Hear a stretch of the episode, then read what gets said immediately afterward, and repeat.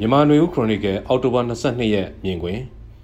၃နှစ်ကျော်ကြာပိတ်ပင်ထားတဲ့ထောင်ဝင်စာတွေ့ခွင့်ပြန်ဖွင့်ဖို့ပြင်၃နှစ်နီးပါးကာလအကျဉ်းထောင်တွေကလူခွင့်ရေးချိုးဖောက်မှုတွေ2020ခုနှစ်မတ်လမှာကိုဗစ်ကူးစက်ရောဂါကိုကပ်ဘေးရောဂါတည်းအဖြစ်ကမ္ဘာ့ကျန်းမာရေးအဖွဲ့ကကြေညာလိုက်ပြီးတဲ့နောက်မှာတော့မြန်မာနိုင်ငံထဲမှာလည်းကိုဗစ်ကူးစက်ရောဂါနဲ့ဆက်နွယ်ပြီးကန့်သက်ချက်တွေချမှတ်ခဲ့ကြရမှာညမထွက်ရအမိန့်လိုကန့်သက်ချက်တွေခီးတော်လာမှုကန့်သက်ချက်တွေနဲ့အတူ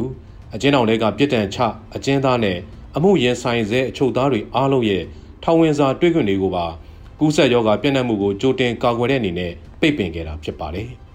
။အဆိုပါထောင်ဝင်စာပိတ်ပင်လိုက်တဲ့အချိန်က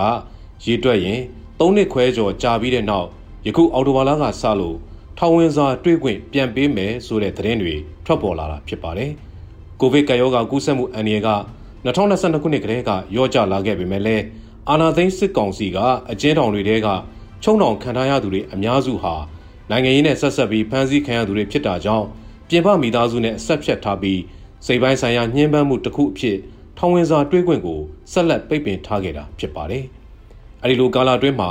အင်းစိန်ထောင်ကအကျဉ်းသားတွေအတွက်ပါဆယ်တို့လက်ခံရနေရမှာပောက်ကွဲမှုတစ်ခုဖြစ်ပွားခဲ့ပြီးလူသိများတဲ့နိုင်ငံရေးအကျဉ်းသားတူရဲ့မိခင်ပါဝင်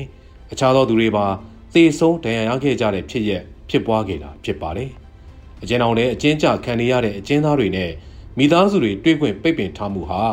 စစ်ကောင်စီလက်ထက်များစွာသောလူခွင့်ရေးချိုးဖောက်မှုတွေအနက်ကတစ်ခုဖြစ်ပြီးမိသားစုဝင်တွေနဲ့အတူအကျဉ်းချသူတွေကိုစိတ်ပိုင်းဆိုင်ရာရုပ်ပိုင်းဆိုင်ရာနှိပ်စက်မှုတစ်ခုလည်းဖြစ်ပါတယ်။အခုသုံးနှစ်ခွဲအကြာမှာထောင်ဝင်စာပြန်တွေးခွင့်ပြုမယ်ဆိုတဲ့ဆုံးဖြတ်ချက်ကမကြသေးခင်ကစစ်ကောင်စီအတွင်းဝင်ကြီးအပြောင်းလဲတွေလုပ်ရမှာ ပြည်ထောင်ဝန်ကြီးတာဝန်ကို NLD လက်ထက်ဖြစ်တဲ့2020ခုနှစ်ဖေဖော်ဝါရီလကစတင်တောင်းယူခဲ့တဲ့ဒုတိယဗိုလ်ချုပ်ကြီးစွတ်တွနေရာမှာဒုတိယဗိုလ်ချုပ်ကြီးယာပြင်းနဲ့အစားထိုးခန့်အပြီးတလကျော်အကြာမှာထွက်ပေါ်လာတာဖြစ်ပါတယ်။စစ်အာဏာမသိမ်းမီဆယ်စုနှစ်တခုနီးပါးကာလအတွင်းမှာ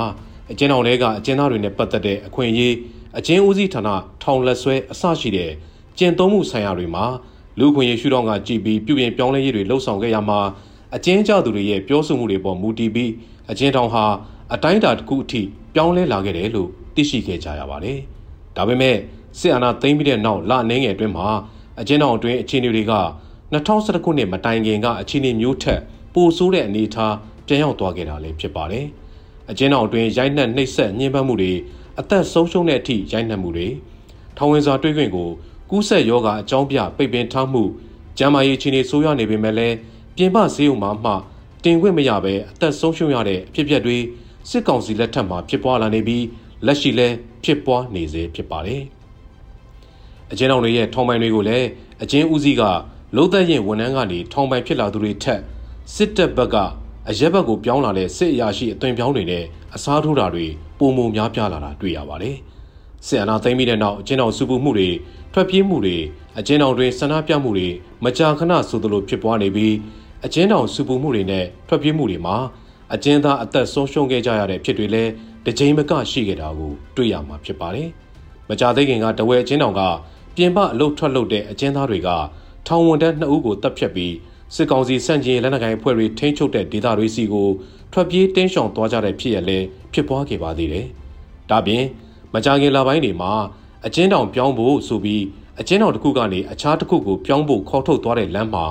ထွက်ပြေးလို့ပြစ်ခတ်ရင်းတေဆုံးသွားရတယ်ဆိုတဲ့နိုင်ငံရေးပြမှုတွေနဲ့ပြစ်ဒဏ်ကြသူတွေလည်းအများအပြားရှိလာတာဖြစ်ပါတယ်။ပဲခူးတိုင်းတွေကတောင်ငူဒိုက်ဦးအချင်းတော်တွေ